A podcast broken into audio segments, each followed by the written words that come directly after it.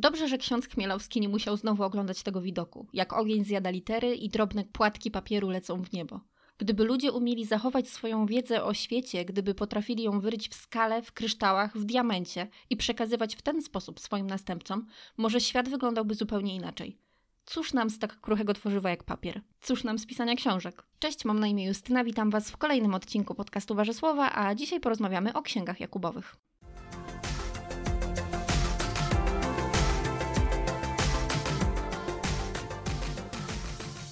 Tak właściwie jestem bardzo na świeżo, bo dosłownie dzisiaj skończyłam czytać księgi Jakubowe i czuję jakiś taki smutek, dlatego postanowiłam e, szybko nagrać podcast, więc będzie on też, myślę, bardzo emocjonalny, bo jestem w świeżym zachwycie nad całością.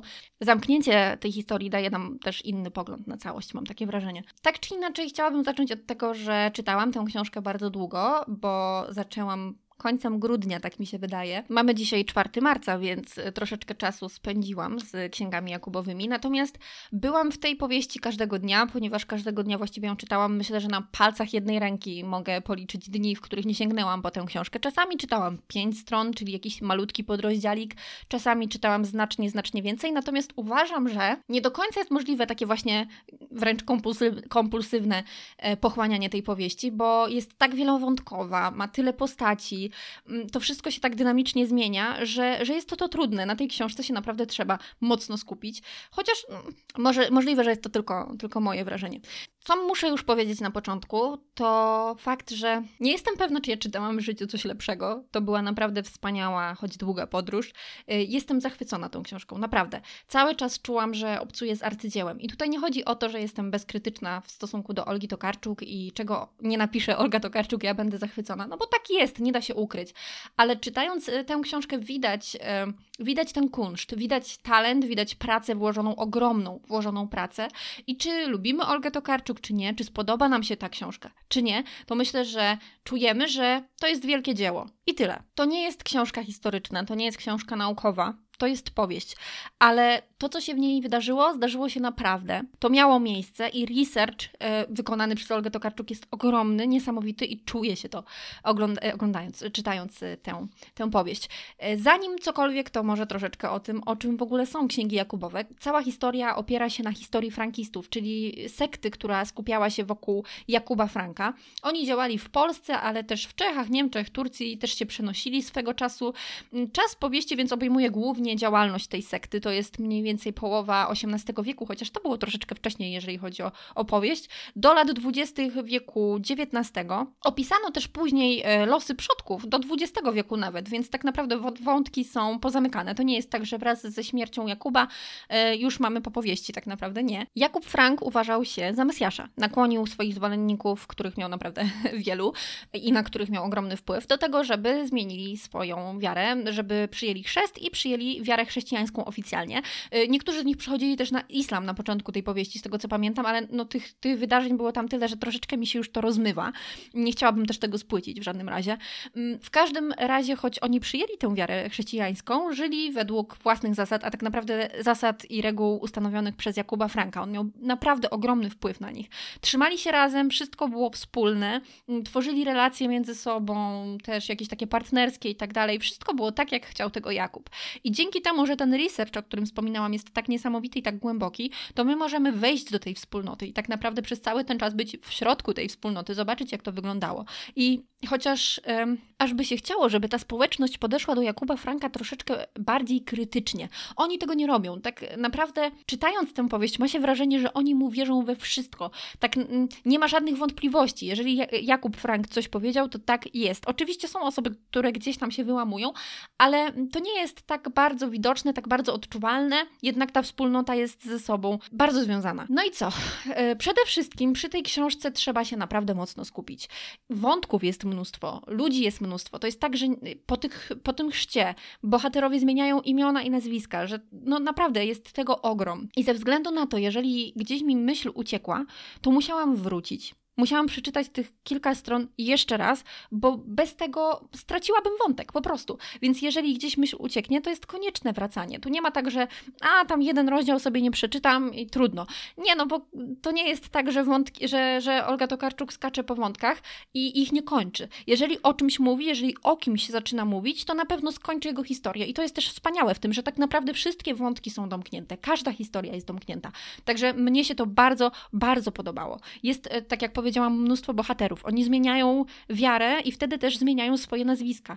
Więc też musimy się przyzwyczaić do tego, że ktoś się kiedyś nazywał inaczej, teraz nazywa się inaczej. No i to naprawdę można się pomylić. Myślę, że bardzo trudno jest od początku do końca wszystkich kojarzyć, bo tamtych osób jest naprawdę mnóstwo.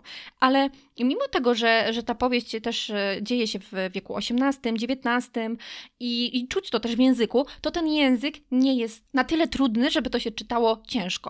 Bardzo dobrze się to czyta. Po tej książce się właściwie płynie. Ja nie miałam żadnego kryzysu, a czytałam ją bardzo, bardzo długo. Ja wcześniej słyszałam takie głosy, że początkowo trzeba się naprawdę mocno skupić na tej książce, żeby w ogóle się w nią wkręcić, że tak powiem.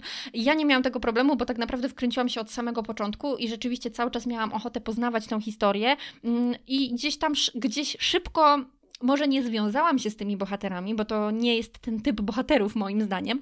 Natomiast szybko poczułam tę taką ciekawość i bardzo chciałam wiedzieć, co będzie dalej, więc nie miałam takiego momentu, że pomyślałam sobie, nie, ja to rzucam, nie chcę tego dalej czytać.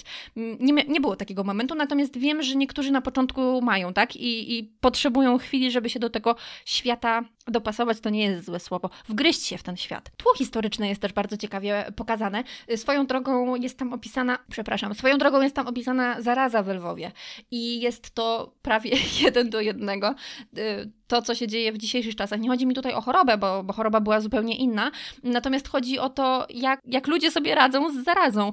To może my w tych latach jesteśmy w znacznie lepszym położeniu, ale naprawdę czasami czytając jakieś takie fragmenty o tym, jak sobie radzić z zarazą, co robili ludzie i jak ta zaraza się przenosi, no w ogóle wszystko, wszystko było bardzo, bardzo powtarzalne, jednak rzeczywiście historia zatacza koło. Mm, no i co? I mówiłam już o tym chyba, że język wcale nie był tak e, trudny, żeby, żeby nie dało się przebrnąć przez tę książkę. Książka jest naprawdę przystępna. Jeżeli jeżeli poczujemy tę historię, to myślę, że nie będziemy mieli żadnego problemu z tym, żeby ją czytać. Myślę, że nie da się tutaj użyć e, argumentu, że nie, nie, nie doczytałam, bo język był trudny. Raczej nie. Co jeszcze chciałabym podkreślić i chyba tym już będę powoli kończyć, e, bo chciałabym tak e, dosyć szybko o tej książce powiedzieć, to narracja. Narracja w tej książce to jest coś fantastycznego, coś, co mnie chyba zachwyciło najbardziej w tym wszystkim. To jest ogromny plus tej książki, że ta narracja jest prowadzona z kilku perspektyw i to dodaje takiej szerszej perspektywy. Kurczę, z kilku perspektyw, więc to dodaje szerszej perspektywy. W każdym razie szerszy taki ogląd jest na sprawy.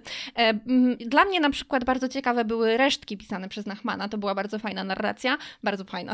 Tutaj wiele Wam to powie. Natomiast e, jest też tam narrator wszechwiedzący. To jest Jenta. Moja ulubiona, absolutnie ulubiona postać z tej książki. Mm, od początku mnie bardzo zafascynowała. Wszystko, co widziane z jej perspektywy było dla mnie najbardziej zachwycające. Dlatego Jenta jako narratorka doskonały wybór.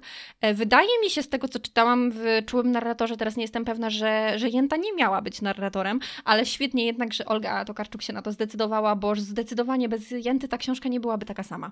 Więc e, narracja, narracja jest e, fantastyczna i warta wszystkich nagród świata. Olga Tokarczuk na spotkaniu autorskim, wydaje mi się, że właśnie związanym z czułym narratorem, powiedziała coś w stylu tego, że żeby napisać dobrze powieść, żeby dobrze opisać swojego bohatera, to trzeba go pokochać. E, I zapytana o to, kogo było jej pokochać najtrudniej, powiedziała o Jakubie Franku. No i zupełnie się nie dziwię.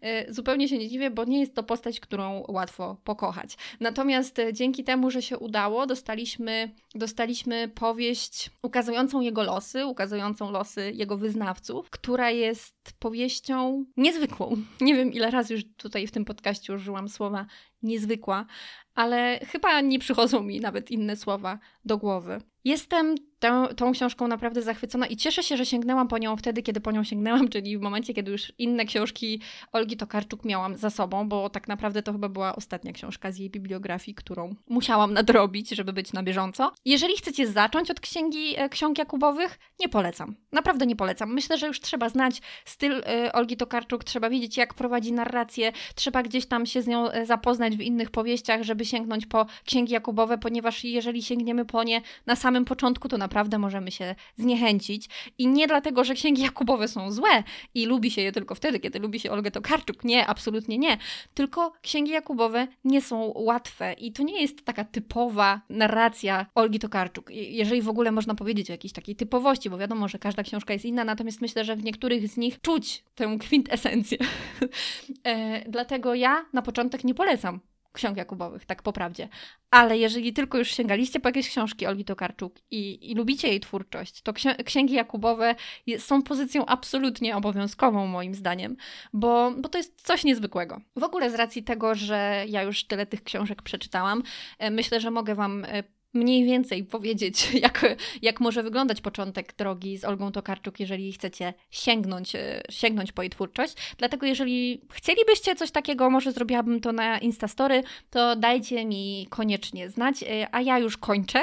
kończę ten mój wy wywód pełen zachwytu, e, bo naprawdę chciałam to nagrać na świeżo i dzisiaj i mam nadzieję, że wyciągniecie coś z tego dla siebie i że przekonałam Was do tego, że warto, warto przeczytać księgi Jakubowe. No i to chyba tyle ode mnie. Mam nadzieję, że powiedziałam wszystko, chociaż znając, znając mnie, to y, montując na pewno przyjdzie mi do głowy mnóstwo innych rzeczy. Księgi Jakubowe, Olga Tokarczuk, arcydzieło. Czytajcie, moi drodzy, czytajcie, bo naprawdę warto. Do usłyszenia.